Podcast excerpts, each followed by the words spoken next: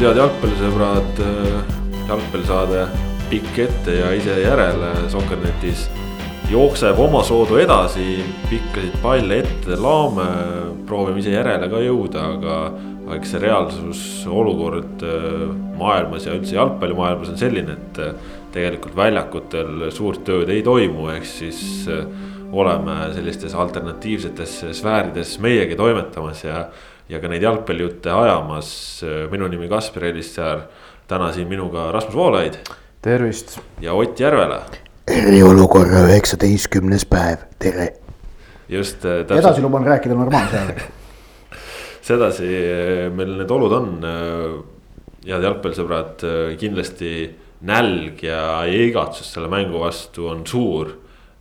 kahtlemata tahaks mängida, tahaks mänge vaadata, tahaks olla kõigest sellest osa, seda nautida, aga praegu seda teha ei saa ja võib-olla alustuseks, et Ott, kuidas sul äh, nagu kodus see olemine läinud on, et kas on selliseid võrdlusnähte ka, et, et millestki on nagu puudust või et mingi asi on kuskil nagu kaotsi läinud?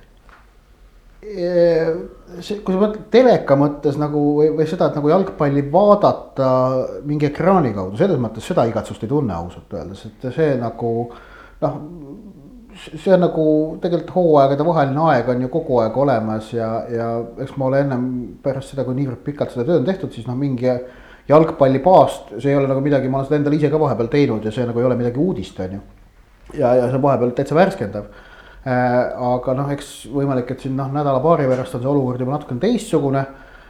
Samas on, on ju see, et, et seda nagu ja teemasid, mille, mis nagu huvitavad on või paeluvad, nendest ka nagu puudust ei ole, et nagu noh, jalgpallimaailmas ikkagi uudised ju ja, ja uudislikud sündmused toimuvad, nende jälgimine on jätkuvalt huvitav, vahendamine ka. aga asi, millest nagu tõeliselt nagu puudust tunnen, on noh staadionil käimine, et, et staadionil mängu selle õhkkonna tundmine, et tegelikult see on. see on see, mida nagu tahaks, et saaks minna, saaks minna statkale, panna enda arvuti sülle või laua peale, sõltuvalt staadioni taristu olukorrast ja vaadata mängu ja hakata tulistama ja kirjutama sellest. Ehm, see on, see on ju tegelikult meie selle ameti noh, kõige nauditavam osa minu meelest. Ma olen ikka, kui ma suurtes lehtedes Õhtulehes või Postimehes töötasin, siis mul ka ikka armastasin öelda, et noh, kõige ägedam osa on objektil olla. Ehk et siis, kui sa kontorist väljas oled, oled objektil, vahetult vaatad võistlust Äh, et äh, noh, võistluse vahetu vaatamine just, mitte nagu ekraanilt vaatamine, vaid vahetu vaatamine. seal kõikide nende erinevate nüansside tunnetamine, mis tegelikult ju noh, ongi põhjus, miks äh, käiakse spordivõistlusi vahetult vaatamas.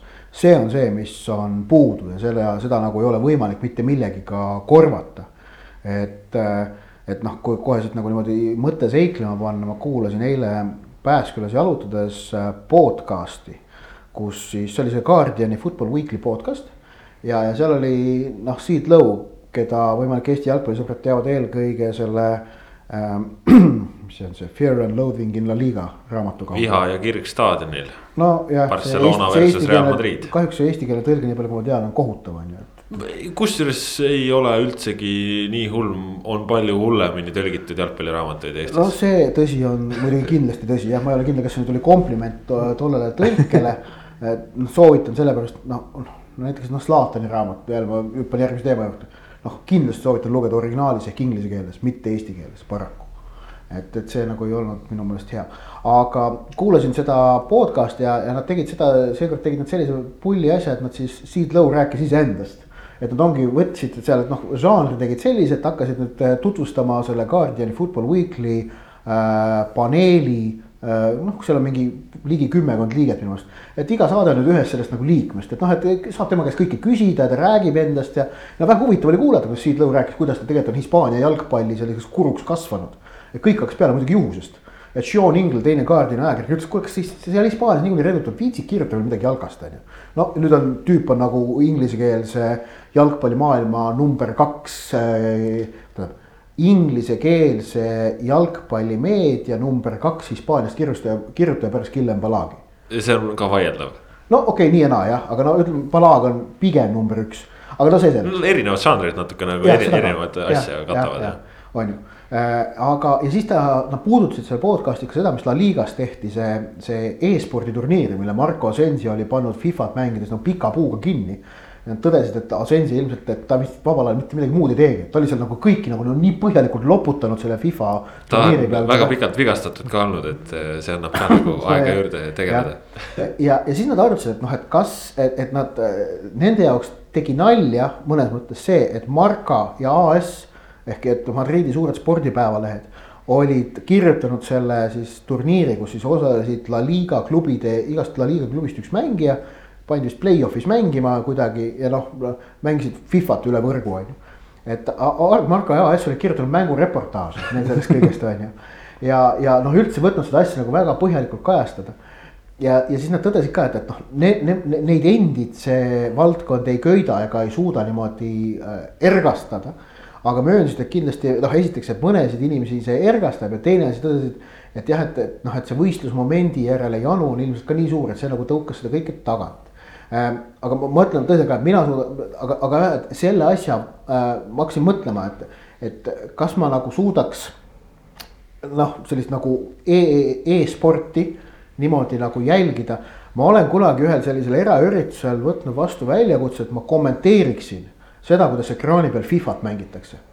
ja see osutus totaalseks krahhiks sest et ma ei osanud seda, noh muidu ma nagu jalgpalli kommenteerida tegelikult ikkagi noh, natukene oskan aga seal ma ei osanud mitte midagi nagu tarka öelda, kuigi isegi noh, mul olid nagu koosseisud ees ja niimoodi. sest see on niivõrd ebaloogiline, ma ei tunne seda mängu, mis seal ekraani peal toimub, ma ise Fifat mängisin viimati tuhat üheksasada üheksakümmend kaheksa World Cup versiooni on ju. et, et ma ei tunne seda mängu, mis seal toimub ja see nagu, ma ei suuda sellega suhestuda, oli see probleem. järelikult ma ei suuda tekitada ka mingeid emotsioone, mitte mingit nagu teadmist edasi anda ehk et, ähm, ehk et ma ise nagu ei usu, ma ise ei suuda sellest nagu ekraani vahendusel toimuvast sportlikust tegevusest ilmselt ka vaimustuda ja kindel on see, et ma ei saa sealt seda emotsiooni, mida ma saan staadionilt, mis on see nüansirohkus. See on see, et kui ma olen, ma olen jalgpalli noh, niimoodi jälginud tähelepanelikult üle, üle kolmekümne aasta nüüdseks. ja, ja see äh,, ma olen alati nagu nautinud kõige rohkem seda erinevate nüansside tabamist sellest mängust et, et noh, näiteks noh, kui ma olin seitsmeaastane ja, ja vaatasin tuhat üheksasaja üheksakümnenda aasta MM-finaalturniiri äh,. siis mul on, siis mul ma sealt mäletan ka mingeid nüansse. Argentiina selle vahetusvärava või Goicoechea penaltitõrjed, mul on meeles see, vaatasin, kuidas ta seal pärast seda, ma vaatasin, kuidas ta tähistas. siis lõin ise palli vastu suvila seina ja proovisin seda jäljendada näiteks. et noh, sellistest väikestest nüanssidest nende tähelepanemine, see muudab selle jalgpallimängu nauditavaks noh, toona ma tegin seda ekraani vahel, kui ma hakkasin staadionil käima, siis ma hakkasin ka kõiki noh, erinevaid nüansse seal ümberringi täheldama. kuidas suhtleb treener võistkonnaga, noh, kas mingi loodusnähtus mõjutab kuidagi mängu, kas on midagi no üldse nagu noh, naljakat kuskil näha et kõik säärased asjad, et ühesõnaga nüüd see äh, lühike küsimus, mis sa mulle esitasid ja eeldasid lühikest vastust. ma olen rääkinud mingi kaheksa minutit, ma pakun praegu. jah, just nii on ajataju on ka hea Eh, et, et kõige rohkem on ikkagi puudu sellest vahetust spordi vaatamisest, sest et see on eh, nauditav eh, põhjustel, et seal on võimalik kogeda nüansse. Mitte siis tingim-, ja kusjuures mitte see, et nüanss ei pea olema see, et fännide melu oleks kõik taustal, vaid just see, et noh, selle võistlusega seotud on väga palju erinevaid väikeseid asju, mis seda võistlust mõjutavad ja nende jälgimine on huvitav. seda praegu ei saa kuskilt teha. Rasmus, kuidas sul viimased kaks nädalat läinud on ilma jalgpallita, kas sa oled juba hakanud vanu mänge järele vaatama? kõigepealt on näha, et Ott on nädal aega kodus lapsega istunud ja puhanud on, on tippvormis väga hea. Kusjuures ma olen vaadanud ühte vana jalgpallimängu järgi, vaatasin, kui Viiestet või see, mis iganes see praegu on, Viiestet Sport Baltic kandis kaks tuhat viis meistrite liiga finaali üle. seda ma ei saanud vaatamata jätta, vaatamata, vaatamata sellele, et see ei olnud kahjuks üks nendest mängudest, mis Kalev Kruus ümber kommenteeris tänasel päeval Äh, ja kahju on ka sellest, et ma pean Otile täiesti nagu noh, sekundeerima, sest ma, ma ka ei tunne seda igatsust, et ma tahan telekast panna mingi uue mängu peale või või arvutist striimima hakata, mitte mis, ükskõik mida, aga. jah, seda uut saab nagu yeah. mu mujalt ka, kui ma tahan midagi uut jalgpallis kogeda, ma vaba, avan netis mingi huvitava artikli, no vabandust, noh, seal on neid asju, mida peaks lugema, on väga-väga palju, mida ei jõua, on ju aga meil on just meil, Eesti jalgpalliajakirjanikel oli just ju mingi kolm kuud või neli kuud pausi. ja me saime ühe nädalavahetuse saime käia staadionil ja siis võetakse see meilt jälle ära. Et noh, see jalgpallihallis taliturniiri vaatamine ei olnud ka ikka päris see, aga see esimene see pole Premiumi ikka üldse see. esimene Premium-liiga nädalavahetus oli, sain juba käia kahel, kahel, kahe, kaks korda staadionil ja see oli juba äge. See oligi see, mida noh, kolm kuud ootasime, mille pärast me, mida, milleks me valmistusime ette ja nüüd ühe, ühe nädalavahetuse käisime, panime soojalt riidesse ennast ja, ja nii edasi, valmistusime nagu ikka Eesti jalgpall. Ja siis nüüd on jälle kaks kuud ka pausi vähemalt. no me Otiga saime isegi kaks korda soojalt riidest panna, me käisime Kolm. Narvas, Narvas superkarikal ka. sain, ma sain karikal ka veel nagu jah jah. ma sain, ma sain kolm mängu teha. et Mul on- mul on kaks, jah. äh, superkarikaga ju ka, seal oli see hooaja avalõõk, see oli kõik uus. ai, neli siis jah, vabandust, superkarikas kaks premium-liigat ja karikas, neli isegi ma käisin Kalju seal Transi karikamängul ka., aga ongi see superkarika eel juba ongi mõnus pikk reis Narva seal kohalikus no see see söögikohas on nagu tore, see heinestamine. ju käib asja juurde, see on nagu äge. jah, see on ka muuseas nüanss, staadionile minek, just, mängule minek. et äh, noh, vahest on see Tallinnas, kui on Tallinna mäng, et see on enamasti on ta siis lühem. Aga see aeg, kui ma lähen kodust või kontorist välja ja lähen staadionile. et see on see aeg, kui ma hakkan mängule nagu mõtlema ja keskenduma. mõtlen oma peas läbi erinevad noh, võimalikud äh, allhoovused, nüansid, mis seda mängu puudutavad. mõtlen tegelikult juba erinevaid potentsiaalseid narratiive, mida enda mängureportaažis võiks käsitleda, et ja mis siis nagu ja siis sa tund aega varem ka algkoosseise vaatad ja, ja see kõik. ja algkoosseisud ka jah, just, et siis tekivad jälle uued mõtted, aga, aga noh, näiteks see, et noh, et noh, kui on Hiiu mäng on ju, et siis ma noh, vahest kõnnin, vahest sõidan rongiga kaks peatust ja ikkagi kõnnin ka on ju, et noh. või, või siis, või siis noh, kui ma tulen kodust Lillekülla, siis samamoodi rongisõit on ju. sel aastal peaks hakkama Kadriorus käima, see on muidugi natukene tüütu, ma ausalt öelda, mul tõesti Kadrioru staadionil selles mõttes nagu kaugem minna ei ole. mulle väga mugav, ma ma tervitan hea meelega Kadrioru Äh, staadionil. aga või, või siis noh, ka Tallinnast väljaminekut näiteks noh, et kui Viljandisse, sinna mina lähen enamasti rongiga on ju. või ka Tartusse.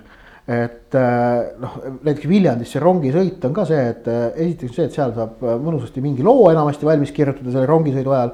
ja siis teine asi on see, et, et kui ma Viljandis rongijaama kohale jõuan ja hakkan kesklinna poole kõndima, siis see on see aeg, kui ma mõtlen mängule ja, ja noh, see on nagu, see on ka nagu, kuidas öelda, kvaliteetaeg iseendaga tegelikult on ju.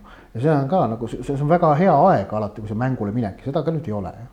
ja ma ütlen seda samas äh, nii-öelda teleka vahendusel jalgpalli vaatamise pealt tekkinud aega, ehk siis kuna praegu pole telekast nii-öelda mänge vaadata, siis mina olen seda aega kasutanud küll tõesti ka ütleme, et Netflixist ja Amazon Prime'ist jalgpalli sisu tarbimisel on need siis dokumentaalid, on need äh, mängufilmid, seriaalid, kus on nagu jalgpalli seos ja ma olen küll rõõmus olnud, et ma olen nagu neid asju nüüd jõudnud ka teha ja. ja mina olen ikkagi ka Fifat äh, mänginud, nii et. üheksakümmend kaheksat ikka ma eeldan. ei, kaks tuhat kakskümmend, et üheksakümmend kaheksa World Cup versioon, mille siis teemalauluks või teemamuusikaks. Blurry kaks. Blurry, Blurry song two.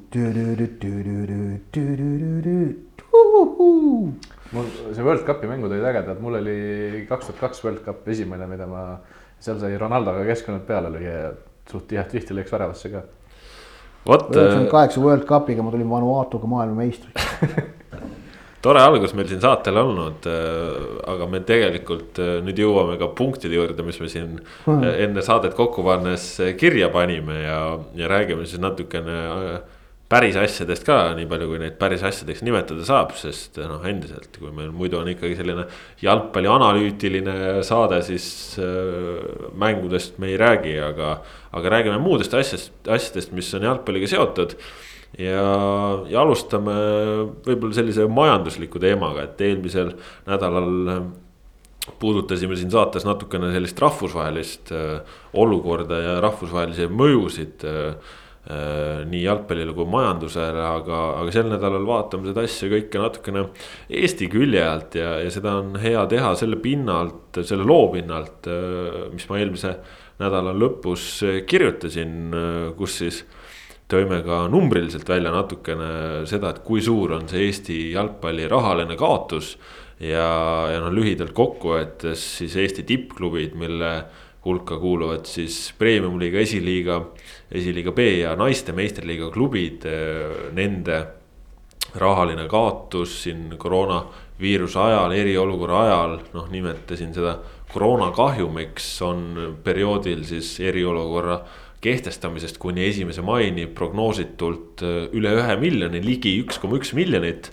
mis on äh, tegelikult ikkagi väga-väga suur raha ja, ja sellest siis, sellest ühest ja natuke peale miljonist sponsortulude ärakadumine, mis on võib-olla kogu muu ja ülejäänud Eesti spordi selline ainus ja, ja kõige suurem nurgakivi on siis Eesti jalgpalliklubide puhul natuke üle neljasaja tuhande.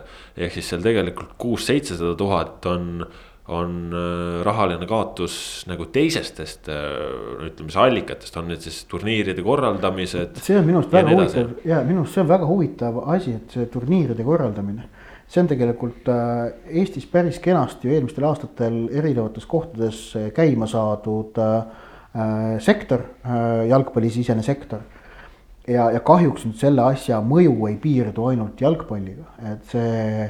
Et jah, jalgpalliklubid saavad kahju sellest, et need turniirid, neid turniire pole võimalik nüüd korraldada. aga samamoodi see on ju ka väga suur pauk jällegi kohalikule turismisektorile. sellepärast, et reeglina sinna tuleb ikkagi välis, välisvõistkondi ka või on isegi sise, siseturism, et see ju kõik tegelikult äh, annab äh, tööd ka turismisektorile, eelkõige erinevatele majutusasutustele noh, toitlustus saab ka, ka mingisuguse, toitlustus saab ka pihta. et äh, just need sektorid, mis on praegu kogu sellest kriisist kõige rohkem noh pihta saanud, siis noh. näide on nüüd see, et, et kuna ja, ja kuna nende turniiride taaskäivitamine isegi noh, võtame selle kõige positiivsema stsenaariumi, et esimene mai tegelikult ka eriolukord lõpeb, mis tundub tegelikult pigem ebatõenäoline. Äh, ega see turniire siis kohe pärast seda käivitada ei saa, sellepärast et äh, surnud on näiteks endiselt lennundus selle käivitamine, üle-euroopaline käivitamine, see võtab ju aega. okei okay,, lähiriikidest saab tulla ka bussiga või laevaga, noh, see on nagu lihtsam. aga, aga noh, selles mõttes see on ka ikkagi noh, et, et, et ka selle, selle näiteks selle minisektori käivitamine võtab aega, mis omakorda annab veel põntsu toitlustusele, annab põhi, põntsu majutusele, noh ja põnts jalgpallil on niikuinii juba räägitud. ja lennunduse käivitamisega noh, sellest nüüd ultra palju ei ole räägitud, aga, aga tegelikult on siin ju asjatundjate puhul ka see nüanss juurde mainitud, et, et esiteks lennundus kindlasti käivitub aeglaselt, aga tõenäoliselt muutub lendamine uuesti ka väga palju kallimaks, kui ta, kui ta seni oli. no, no selles ma nii kindel ei ole, sellepärast et lõpuks on see, et, et lenn, lennufirmadel on vaja seda, et lennukid oleks inimesi täis ja kui inimestel on pärast kriisi käibevahendeid lihtsalt vähem, siis nad ei ole valmis seda kõrgemat hinda maksma, et siin võib tund-, toimuda ka noh, et probleem on noh, jah, okei okay,, see on majandus, majandus podcast'iks läheb kätte ära, peaks jah, aga, aga noh, ütleme. kindlasti noh, kõik, kõik, kõik asjad, kõik mehhanismid, mis seni toimisid äh,. eriti rahvusvahelised mehhanismid Äh, olgu need ükskõik millises, saavad ju pihta ja nende taastamine ei käi niimoodi. noh, ja, ja Eesti Jalgpalliliidu kaotus ka sinna juurde äh, ligemale seitsesada, äh, seitsesada tuhat eurot mille hulgas on siis ka ju tegelikult mõned toetused, mis olid seotud U seitseteist EM finaalturniiri siia toomisega ja, ja kui see nüüd noh, kas lükkub edasi või tundub juba üha tõenäolisem, et võib üldse ära jääda. siis, äh, siis see, see mõju on ikka päris suur. selle pidamiseks ongi, on ju august ja, ja noh, eks näis, kas see nagu selleks ajaks on nagu. enne seda on vaja veel ju ära mängida see üks ring play-off'i ehk et tegelikult noh, see on väga keeruline. vaata, kust otsast tahad Rasmus, kuidas sulle selle nurga alt ütleme tundub, et kui kasvõi jalgpalliliit on, on ütleme tegelikult ju investeerinud ja, ja panustanud selle U seitseteist EM-finaalturniiri korraldamisesse, siis selle ärajäämine noh, ikka iga nurga alt tundub väga suur löök olema. ja tundub küll, ma just päev, päev või paar tagasi, kui me siin noorteturniiridest ja sellest U seitseteist EM-finaalturniirist räägime, oli ju see räägiti, kuidas praegu peaks olema Tallinnas äh, Euroopa suurim noorte maadlusturniir ja seal räägiti vist äh, mingi saja tuhandest eurost, mis tooks, maadlusturniir tooks riiki sisse. et noh, võib-olla seal on, pidi olema tuhandeid neid noori jalgpallureid, kes sinna tulevad, okei okay,, noh, selle EM-finaalturniiriga ei tuleks tuhandeid noori, aga, aga ma arvan, et see näiteks mingid tele, telelepingud ja sellised asjad äh, no me räägime ma, samast suurus, suurusjärgust võib-olla muidugi, see on puusalt tulistatud, aga, aga kindlasti on see, on see suur löök jah. ja isegi, isegi võib ta natukene suurem olla, noh, igatahes ütleme, et sellesse on väga palju panustatud ja noh, praegu tõesti on kõik signaalid, mis tulevad, on üha enam selles suunas, et. no praegu me oleme vist jõudnud umbes niimoodi, et juuni ja juuli asju tühistame järjest sinna. et noh, et kui no. see augustis võib-olla saaks toimuda, siis nädalate küsimus, ma arvan. ja ma vaatasin praegu, et kahjuks ei saa nagu UEFA käest küsida, et andke meile kaks tuhat kakskümmend kaks U üheksateist, mis oleks sama vanuseklassi turniir tegelikult on ju, et see on juba Slovakkiale ära antud. noh. kakskümmend kolm on veel andmata, aga noh. U kakskümmend üks. Tõstetakse ringi. siis kakskümmend neli U kakskümmend üks või? no see oleks väga ambi-, no U kakskümmend üks EM finaalturniir on ilmselt kõige suurem turniir, mida üldse Eestis on võimalik veel enam-vähem korraldada. ma arvan, et Eesti taristu selle nõuded annaks välja, ilmselt kannaks välja küll. aga no nippa-nappa, noh, me saaksime suuremat staadionit, noh okei okay, äh,. mitu staadionit vaja oleks? No staadionit vast on mingi kuus-seitse oleks vaja, no me leiaks. sama suurusjärk jah. noh, et ütleme mingit noh, okei okay,, Tartus on, Tartus on üks, Tallinnas kaks noh, sellist nagu staadionit, millel on ikkagi kaks pool tuhat inimest, Tartu oma võib teha kolme poole tuhande peale ajutiste tribüünidega. noh, Narva tuleks korda teha, on ju, ja, ja Pärnu on Pärnu. ka korralik muidugi jah, ja Viljandi ja Tehvandi tegelikult. Tehvandi ka jah kus nagu on piisavalt, no Viljandi, ma ei tea, on, jääb natuke väikseks, aga seal saab ka teisele poole põhimõtteliselt ajutised tribüünid. ja no ütleme, et Haapsalus on ka ju hea muru, väike tribüün, aga, aga ongi lisa, lisatribüün juurde, siis seal tõesti. et, et noh, et ühesõnaga, et U kakskümmend üks EM finaalturniir ilmselt oleks kõige suurem võistlus, mida Eestis on võimalik korraldada äh,. sest et naiste EM-i ei ole võimalik, et see on, see on juba tõus-, muutunud niivõrd tähtsaks ja oluliseks, suureks võistluseks aga U kakskümmend üks EM äkki mingi ime läbi oleks, kuigi noh, tegelikult nagu vist natukene on juba ebareaalne. pigem tundub jah, aga, aga veel eh, selle majandusliku olukorra peale, siis, siis tõesti. Eesti klubid on, on hetkel seisus, kus eh, tõesti need rahalised kahjud on peale tulemas, samas eh, Eesti klubid on ka sellises seisus, et kedagi vähemalt hetkeseisul ei ole ähvardamas see, et peaks uksed kinni panema, ei ole veel lepinguid kellegagi lõpetatud, ei ole välismaalasid ära saadetud. ja, ja tegelikult äh, kogu selle majandusliku kahju korvamiseks äh, loodavad nii klubid äh, kui jalgpalliliit siin riigi abile, siin töötukassa meetme kasutamisele, sellepärast et, et nagu ka selles loos välja tuli, siis jalgpall on maksnud äh, viimase kolme aasta jooksul tööjõumakse üle üheteist miljoni euro. Äh, mis on Eesti spordis noh, täiesti pretsedenditu number, selle lähedale ei küündi teised spordialad noh, üldse mitte, sest ütleme, teised suuremad pallimängualad, seal on väga palju stipendiume, stipendiumite pealt makstakse vähem makse. ja, ja jalgpallis mindi siis mõned aastad tagasi seda teed, kus, kus valiti normaalselt tööjõu tasumise eest siis palgad palkade pealt maksude maksmise ja, ja seda on jalgpall väga eesrindlikult teinud ja kuna valdkond on nii suur lihtsalt. Siis selle pealt äh, see number ka nii suureks on läinud ja noh, nagu kultuuriministeerium ütles, siis äh, nemad oma toetusmeetme puhul ka ikkagi jälgivad ka seda nurka, kui suured maksumaksjad äh, need nii-öelda praegused kaotajad on olnud, et jalgpall selles mõttes tundub olevat nagu okeis seisus, et riigi abi võiks tulla no see on ju praegu, kui sa vaatad noh, ka see valitsuse töö, see pakett, mis on, mis ju see esimene pakett, mis palgaabi, mis välja kuulutati. siis äh, see oli ka selge see, et, et noh, et sa pead olema saanud palka, mitte midagi muud. lihtsalt sissetulek ei piisa, peab olema palk olnud, kui jalgpallis on makstud palka, siis on lootust seda, seda, seda abi ka saada. ja, ja, ja noh väga selge, et see on nagu väga loogiline käitumine riigi poolt, et need, kes on käitunud riigiga korrektselt, nendega käitutakse ka vastutulelikult vastu, et see on selles mõttes selge. ehk et noh, et jah, et jalgpalli olukord kindlasti erineb, ma julgen isegi öelda, olulisel määral. noh, praegu kõige rohkem tähelepanu viimase paari nädala jooksul pälvinud äh, Eesti pallimänguvõistkonnast seoses selle kriisiga, milleks on BC Kalev Cramo äh,. kus siis on kosta olnud erinevaid äh, erinevaid noh, kuidas öelda, traagilisi signaale sealtpoolt. noh, kuidas nüüd kokku võtta, no see kõige, kõige, kõige rohkem kahju on muidugi mängijatest ja, ja noh, ikka ütleme nii, et jalgpalli õigusruumiga harjunud inimesega, inimesena on keeruline mõista, kuidas on ikkagi korvpallis võimalik äh, lepinguid äh, lihtsalt kaks kuud enne hooaja lõppu üles öelda. et, äh, et öelda, et noh, et kõik on ju, et noh, et me nüüd enam ei jätka, et, et seal on noh, see, see, see nagu, see nagu näitab selle turu ikkagi ebaloomulikkust ja, ja ma et ma, üks asi veel, ma, ma siin, kui Cramo peale jutt läks, et üks asi, mida soovitan, siis on kuulata.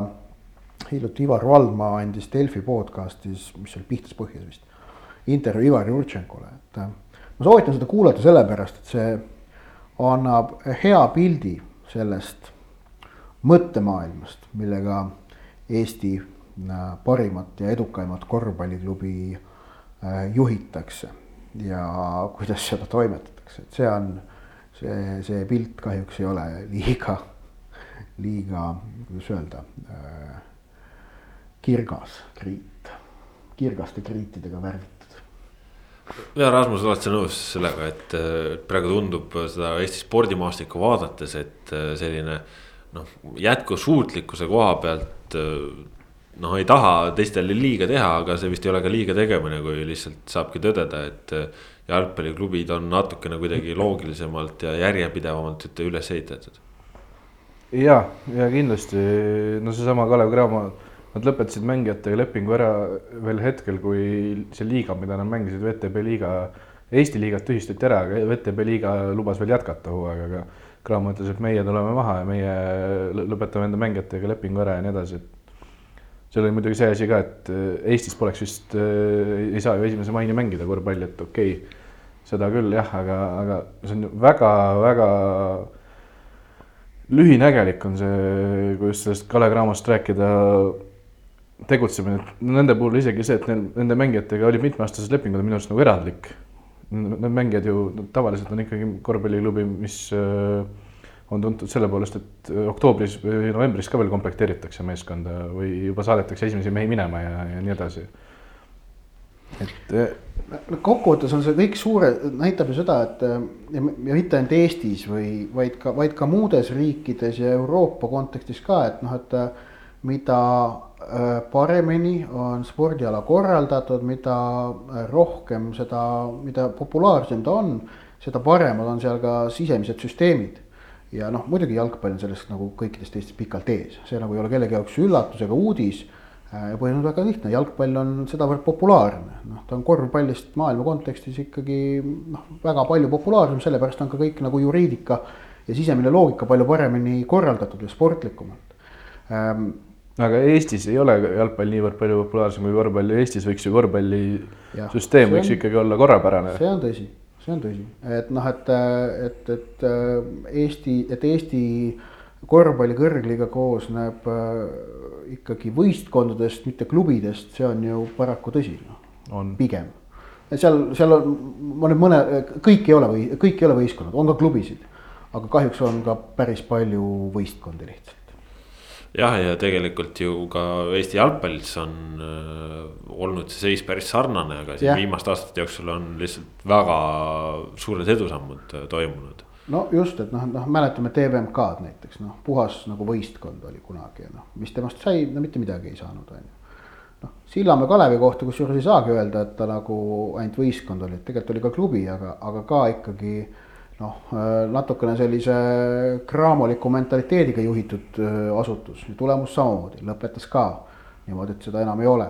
võistkonna ja klubi vahe võikski olla nagu see, et kui hooaeg saab läbi, siis võistkond jookseb laiali, klubi jääb püsima ja selle saab, ehitatakse nüüd lihtsalt nagu arendatakse seda järgmiseks aastaks, aga korvpallis pahatihti eesotsas Kalev Cramoga või noh, seal on ka noh, Eesti mängijad äh, enam-vähem kord, aga noh, ikkagi ka mitte päris noh. meil läheb Kossu podcast'iks kätte ja natukene. aga, aga, aga siin äh, huvitav oli jah, võib-olla ka see Eesti Jalgpalliliidu presidendi Aivar Poolaku mainitud nüanss, et.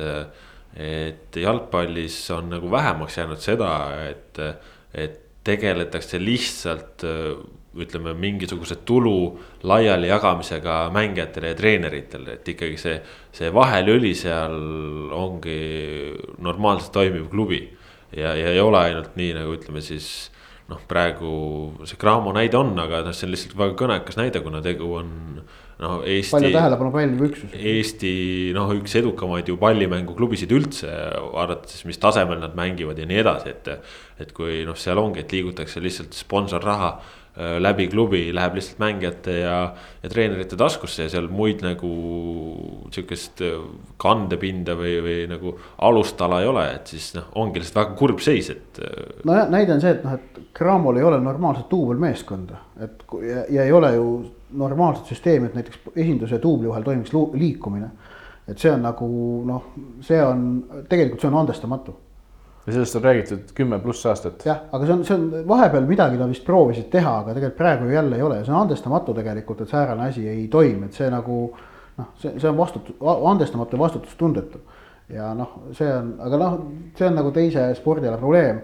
aga jah, et sealt tuues siis nüüd jalgpalli juurde, et jah, et jalgpallis on ka Eesti jalgpalli sees, need süsteemid on loogilisemad, on terviklikumad, mis loob ka eelduse, kogu see kriis on ju paremini üle elada. samas tõsi on ka see, et et oletame, et noh, rakendub väga negatiivne stsenaarium ja see kriis nii Eestis kui Euroopas venib ikka väga-väga pikaks, siis äh, siis muidugi saab ka jalgpall väga-väga-väga palju pihta, sellepärast et äh, et kuigi jalgpallis on nagu süsteemid kõige tugevamad, siis äh, kui tuleb totaal, kui tuleb totaalne kokkuvarisemine, siis on see ka jalgpallis kõige, annab kõige jõulisemalt tunda, sellepärast et noh, mida kõrgemalt kukud, seda rohkem haiget saad. just nii palju siis.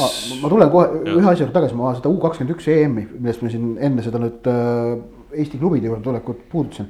vaatasin ära, et kaks tuhat kakskümmend üks, U kakskümmend üks EM mängitakse kahes riigis korraga, Ungari ja Sloveenia.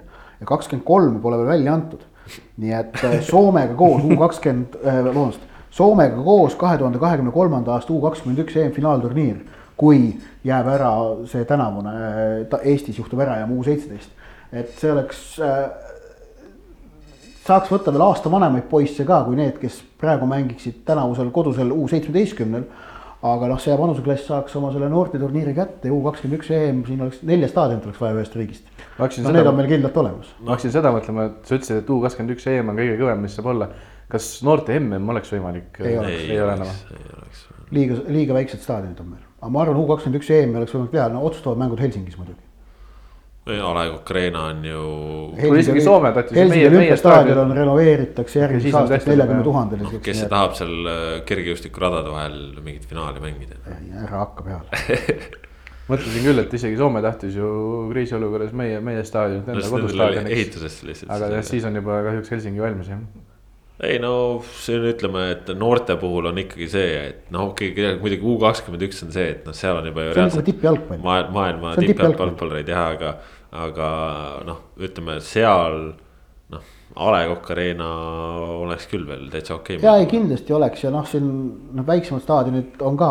jah, no kasvõi ju U seitseteist, no mis on küll oluliselt madalam võistlus, aga mis Brasiilias toimus, siis ju, mis ei olnud Brasiilia mängud, siis seal olid tribüünid ikkagi meie premium-liiga tasemel täituvusega ja, ja seda küll jah, seda küll. ja see oli Brasiilias. aga noh, et ütleme, meil on siin praegu tore fantaseerida, aga ma arvan, et seda võistlust Euroopas teoorias tahaksid endale veel väga paljud riigid, nii et noh, see on, see on nagu omaette teema ja, ja kas, kas no, kas aga... soomlased nõus oleksid ja no, no. no ütleme nii, et kui Aivar Pohlak meid kuulab, siis, siis tead, millega tööd teha mm. -hmm. aga läheme siit edasi siis veel selle natukene selle olukorra peale, mis praegu on ja ja kuigi esialgu see äh, jalgpalliliidu poolt anti ka klubidele välja siis soovitus esialgu treenida individuaalselt vähemalt äh, kahekümne üheksanda märtsini ehk eilseni, siis äh, tegelikult vahepeal on riik eriolukorda karmistanud, on piiranguid veel juurde keeranud, ehk siis tänasel päeval klubide siis ühistreeninguteni jõudmisega tundub, et äh, võib veel ikkagi väga palju aega minna, sest äh, lisaks sellele, et eriolukord on äh, ütleme siis kokkupuudete mõttes läinud karmimaks, on läinud ju ka karmimaks kohalikes omavalitsustes tehtud otsused, ehk siis spordiobjektid on ikkagi väga suures osas suletud, Tallinnas on nad kinni. Tartus on nad kinni, Viljandis ka seal korrarikkujate pärast pandi nii-öelda linna siis esindus, kunstmuruväljak ka kinni. Ja see tähendab, et tegelikult praegu on muutunud päris keeruliseks ka mängijatele individuaalselt treenimine. ühe, ühe erandiga. erandiks siis äh, Narva Trans, kes on enda kodulehel ka reklaaminud välja, kuidas nemad individuaalset trenni teevad. on isegi AK filmimas käinud, kus räägitakse, et me teeme siin mure, mure ajal, kriisi ajal teeme kõvasti individuaalset trenni ja taga jooksevad paari kaupa mängijad mööda väravahile, teeb teine mängija teeb pealelööke, mitu treenerit asjatab sellesama väljaku peal, peatreener annab intervjuud. kuskilt liiguvad veel mingid mängijad, no ma usun, et seal on kümme pluss mängijat, teeb küll korraga individuaalset trenni treenerite käe all, jah no isegi, isegi kui see on, ütleme, et kolm tükki teevad äh, väljaku erinevates otstes, siis tegelikult see, et. et seal ühed samad treenerid puutuvad kõikidega kokku, siis tegelikult seal see nii-öelda asja tuum on juba ju ära kaotatud, et. et see, kui sa teed, ma ei tea, kahe või kolmekesi, aga, aga kõik teevad sama treeneriga, siis ju kokkupuude tekib ikka tegelikult kõikide mängijate vahel ja. ja see on tõesti päris huvitav jah, et Narvas on meil väljakud lahti ja, ja seal on siis lähenetud sedasi individuaaltreeningutele, et noh, vist tegelikult Tallinnas ja Vabariigi Valitsuse poolt äh, kehtestatud äh, eesmärgid, äh, no päris sellist asja nagu ette ei peaks nägema. ei no kes vaatab seda jah, seda Narva Transi videot, siis noh, see ei ole individuaalne harjutamine, et individuaalne harjutamine on see, mida näed Instagramist äh, siin äh, Tammeka, Paide, Kalju, Levadia, Flora mängijatelt, kus nad äh, noh, kas teevad kodus üksinda füüsilist toonust või, või õues ja, ja, või teevad üksinda kuskil nagu palliga mingeid harjutusi. See, mida Trans teeb, see on tegelikult see nagu noh, see reeglitele rikkumine ja, ja noh, sellega tuleb tegeleda ma siis siinkohal võib-olla tooksin ka venekeelsele ERR-ile öeldud Scania laused ära, mis ilmus meie portaalis äh, nädal aega tagasi. nädalavahetusel jooksin pikki jõepromenaadi ja mida ma nägin, terve Narva oli seal, selline tunne, nagu neil toimuks seal fiesta Eestis on koroonaviirus, mis on minu kodumaal Türgis põhjustanud juba üle kolmekümne surma. inimesed, see ei ole nali, praegu on aeg püsida kodus, mitte minna rahvamassidesse. kui tahate trenni teha, siis treenige individuaalselt nojah, see ongi sihuke nüüd äh, arusaamise küsimus, et kas individuaalselt tähendab seda, et sinuga võib treener tegeleda ja ongi, et lihtsalt ei, meeskond ei harjuta selles mõttes koos, et kõik ei sööda omavahel, vaid. vaid, vaid see ongi, et inimene harjutab üksinda ja, ja siin tundub, et on ikkagi mingisugune arusaamatus äh, Narva Transis võrreldes teistega toimunud, et kui siin ülejäänudel klubidel on kõik spordibaasid kinni, kuskile ei saa, siis seal on lahti ja, ja saavad toimetada. samas seal uudise lõpus on veel lause, et Scan lisas, et Trans võib kõikidele, kõikidele soovijatele saata individuaalse programmi, et võib-olla siis tulevad need linnainimesed saaksid ka siis seal Transi meeskonna vahel individuaalset trenni teha staadioni peal no,. see läheb juba võib-olla norimiseks, aga, aga igatahes jah, soovitame ikkagi Narvas ka asjale kainelt läheneda ja, ja individuaaltreening on ikkagi see, et inimesed harjutavad üksinda, mitte, mitte siis kambakesi, et ma arvan, mida, mida hoolsamalt käitud käituvad ka eelkõige just jalgpallurid, seda suurem on tõenäosus, et jalgpall naaseb äh, sellisel kujul, nagu me teda kõik ootame. jah, noh, juunis oleks hea. No ma arvan, ise, arvan, ise tahaks varem, aga, aga noh. ma arvan sellega, et kui juunis saab jalgpalli mängima hakata, siis, siis oleks ikka hästi juba ausalt öelda. tegelikult oleks siis hästi ja ja, ja noh, eks, eks siin tuleb nagu väga rahulikult võtta paraku. aga noh, samas on meil ju ka näiteid äh, Valgevenest, kus äh, ei ole mingit probleemi, jalgpall käib edasi. no vaata on, vaata on olemas teatud selline maagiliste võimetega isikud maailmas.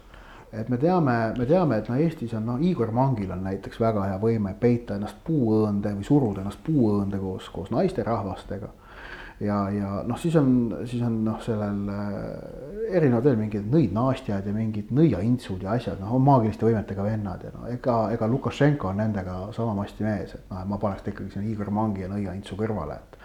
Et ikkagi suud- ja, ja siis ma ah,, siis ma panen veel mingi tegelase kõrvale, kes ma nägin Twitteris, et mingi USA preester suutis, suutis palvetas ja ütles, et nüüd tema palvete tõttu koroona läks ära, et see on nüüd tehtud et, äh, et ma panen nad kõik nagu samasse ritta, et noh, et vaata noh, me, me, me sinuga ei saa lihtsalt aru, me oleme sellised kolmekesti, me oleme sellised lihtsad inimesed. Ja ei, ei, ei nagu ei hooma seda võimsust ja, ja kirgast, kirgast äh, mõtteviisi, mida, mille toel ikkagi seltsimees Lukašenko oma, oma rahvast äh, helgema tuleviku poole äh, nende Belomori sigarettide ja Belarusi traktorite toel nagu kannab.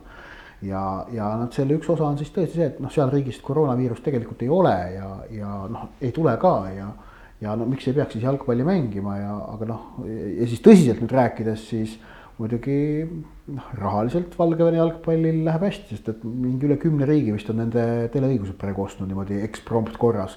sellepärast et noh, publiku jalgpall, miks mitte seda näidata. absoluutselt äh,. defitsiit ju. jah, Valgevene jalgpall on jõudnud Ameerikasse, kõikjale mujale äh,. ma vaatan, seal oli mänge ka sel nädalavahetusel ikka päris hea, Minski derbi oli näiteks. FC Minsk võitis esimese poole ja Minski Dinamo vastu kolm-null, aga siis teisel poolel äh, Dinamo kusjuures veel jäid viiekümne kaheksandal minutil jäid kümnekesi, aga olid kaks tagasi. on sul publikunumbrit ka öelda? tuhat seitsesada viiskümmend oli FC Minski staadionil. isegi väga palju ei ole, aga. ma ei tea muidugi, palju see staadion mahutab. no Minsk on ikkagi pealinn, võiks nagu, derbi võiks vähe suurem olla, aga noh muidugi. kolm tuhat mahutab ja tuhat seitsesada viiskümmend oli täna, oli seal seda derbit vaatamas siis aga Barõssov või Pate, palju nende mängul rahvast oli, oskad seda ka öelda mulle? kohe vaatame. Pate siis äh, kaotas kusjuures. ja seda nad tegid. see oli võõrsil mäng, aga seal oli siis äh, Mozõrri Slaavia mäng, staadionil oli kaks tuhat ükssada viiskümmend inimest. no et ikkagi paar tuhat inimest mängul ja. Pate on praegu siis äh,, muidugi mängitud on kaks vooru, aga kuueteistkümne meeskonna seas neljateistkümnendal kohal jah see on huvitav algus, vot kuidas koroona siis võib-olla ikkagi kuskil mõjub, on ju. Mine tea, aga, aga tegelikult, kui siin äh, põgusalt seda puutusime, et, äh, et on äh, riike ja, ja telekanaleid, kes on juba Valgevene jalgpalli meistrisarja järele janulenud ja, ja neid õigusi ostnud, sellepärast et inimesed tahavad sporti näha, siis tegelikult eile Vikerraadio spordipühapäevas hea kolleeg Johannes Vedru oli ka teinud intervjuu Kanada spordisotsioloogi doktor Robert J. Lake'iga, kes ütles ka päris selgelt välja, et, et kui praegusel hetkel on noh, kogu spordimaailm nii-öelda seiskunud siis kui ühel hetkel see kriis läbi saab, siis on tegelikult oodata väga mitmel põhjusel spordialade sellist populaarsuse väga suurt kasvu, sellepärast et spordiga seostub ikkagi sotsiaalne pool, inimesed pole saanud ka aktiivselt liigutada ja kõik need asjad nüüd kokku panna, siis. peaks tulema hüppeline kasv, tõi ta seal ka näite, et äh, maailmasõdade järel näiteks pärast esimest maailmasõda kasvas Ameerikas tenniseklubide arv kolmekordselt, ehk siis äh, kas meid ootab äh, siis lõpuks, kui see kogu jama läbi saab, ikkagi uus tõus, mis te arvate? Äh, tähendab, potentsiaal selleks kahtlemata on olemas. Ja noh, see juhtimisteooria selline noh, kohati nagu küüniline tõdemus, et head kriisi ei tohi lasta raisku minna on tegelikult väga noh, täpne ütlus. Ehk et äh, igasugust kriisi manageerides on mõistlik äh, osa ressurssi panna ka sellele, kuidas sellest kriisist välja tulla. et kuidas nagu, mis on, mis ühelt poolt nagu lahendad muresid, aga teisalt tegeled ka kergelt visiooniga. ja spordialade, spordialad, mis on äh, koroonakriisi lõppedes äh, tegelenud ja mõelnud sellele, kuidas ja täpselt sellele, kuidas nüüd edasi minna. Need on kindlasti eduseisus teistega võrreldes nii lokaalsel, paneuroopalisel kui ka globaalsel tasandil. Ning e, ning äh, noh, see Johannes Vedru intervjuu, väga hea intervjuu, et seal äh, noh, see, see on, see, seal tõi ka välja selle, et, et on oodata ka tervisespordi buumi tõusu. seda ma usun, äh, kusjuures see, et kuna praegu inimesed on saanud aega ja käia igal pool looduses et see teatavasti noh, kipub olema selline nakkava iseloomuga, ma arvan, et siin on jõudnud ka päris paljud need, kes muidu seal pole käinud. Ja, ja noh, ma ise olen ka paarile ühe, ühe, ühele ra, rabarajale või, või sellisele loodusrajale käinud, kus polnud kunagi varem käinud, väga huvitav oli Äh, tõsi, seal õnneks ei olnud väga palju, peaaegu üldse inimesi ei olnud, et noh, kõik oli nagu viisakas ja, ja korralik. et, et kindlasti tuleb tervisesporti tabab buum ja, ja nüüd ongi, et, et millised spordialad on nõus, on, on valmis sellest välja tulema ja äh, kõige kiiremini ja teine ja, ja põhjus, miks tahetakse tulla staadionile vaatama, on on tegelikult just nimelt see, et, et kui on võimalik nagu üheskoos viibida pärast pikka-pikka pausi siis spordivõistlus on see koht, üks, üks selliseid kohti, kus on võimalik nagu kokku tulla ja tunnetada, et noh, et no see noh, elus olemise vägi on ju, et noh, see on nagu vahva. et, et kahtlemata selles mõttes Eesti jalgpalliseis selles mõttes võiks olla hea, et kui saab seal suvel mängima hakata publikuga, et siis noh, teoorias on võimalik, et, et tegelikult noh, inimeste kihk staadionile tulla on suur ja eriti ju ka Rasmus näiteks seda arvestades, et äh, noh, teised võistkonnaspordialad äh, suvel ju Eestis puhkavad. jalgpallil on tõesti, kui ütleme, et kui saab näiteks juunis, nagu me siin äh, üsna optimistliku stsenaariumi paika panime, mängima hakata, siis võrkpalli, korvpalli, teisi spordialasid ei ole põhimõtteliselt, no kergejõustikuga tuleb konkureerida ja selliste aladega, aga aga, aga noh, see, see, ma ei usu, et see väga palju kattuv, kattuv publik on ja nii edasi. aga tõesti, klubid, liit ja nii edasi peavad mõtlema sellele, et kui, kui läheb andmiseks, et siis, siis tuleb kohe-kohe need õiged nupud sisse vajutada, et siin on, on, on, on koht, kus vaata et mitmekordistada enda publik hea, hea õnne korral jah, samas ei saa ka sellest mööda vaadata, et kui ikkagi ilmad lähevad soojaks, siis Eesti inimesele meeldib ikkagi grill luugama panna ja tina ka sinna kõrvale no need teevad praegu ka seda juba Stroomi rannas seda tehakse jah, aga noh, et sellised nüansid on ka, aga noh. ei tea, kuidas siit välja tullakse, igatahes tõesti noh, spordipsühholoogid usuvad ka, et. et siin on võimalik teha tõusu ja, ja see siis tähendab lihtsalt seda, et tuleb väga targalt talitleda. Vot, aga selline oli siis sedapuhku viiekümne kuues pikk ette ja ise järele uued jalgpallijutud tulevad juba uuel nädalal, seda võime teile öelda. püsige ikkagi Sokkerneti lainel, püsige jalgpallilainel, sest kuigi jalgpalli ei mängita, siis lugemisvara pakume teile ikka, vaatamisvara samuti. see edetabel, mis meil praegu ilmub neist maailma top kakskümmend jalgpallurit, et me saame selle vist kahe nädala pärast ette võtta, on ju, siis ta on omadega lõpuni. nädala pärast juba, ta meil selle nädalaga. pühapäeval lõpeb ära. pühapäevaga lõpeb ära. pühapäeval lõpeb ära, aga meil tempo tõuseb või? jaa jah. kaks lugu hakkab päevast tulema. ei, meil on vahepeal siin on juba ka kaks lugu päevas. me sigime kümme nädalat umbes. okei, okei, selge, pühapäev lõpeb ära, siis saame järgmine nädal seda arutada ju. just. no see edetabel, mis seal noh, see on muidugi, see on totaalne crap, mis sealt ilmselt välja tuleb, et ainus, ainus tõde on see, mille mina tegin minu isiklik edetabel. no niimoodi sa arvad, Ott, aga selle üle kõik saame rääkida. igatahes eh, Ott Järvela, Rasmus Voolaid ja Kaspar Ellissaar olid teiega. olge meiega ikka ja jälle, sellepärast et eh, jalgpall võib olla küll väljakul seiskunud, aga meie südametest ja hingest ei kao ta kuskile. Adjöö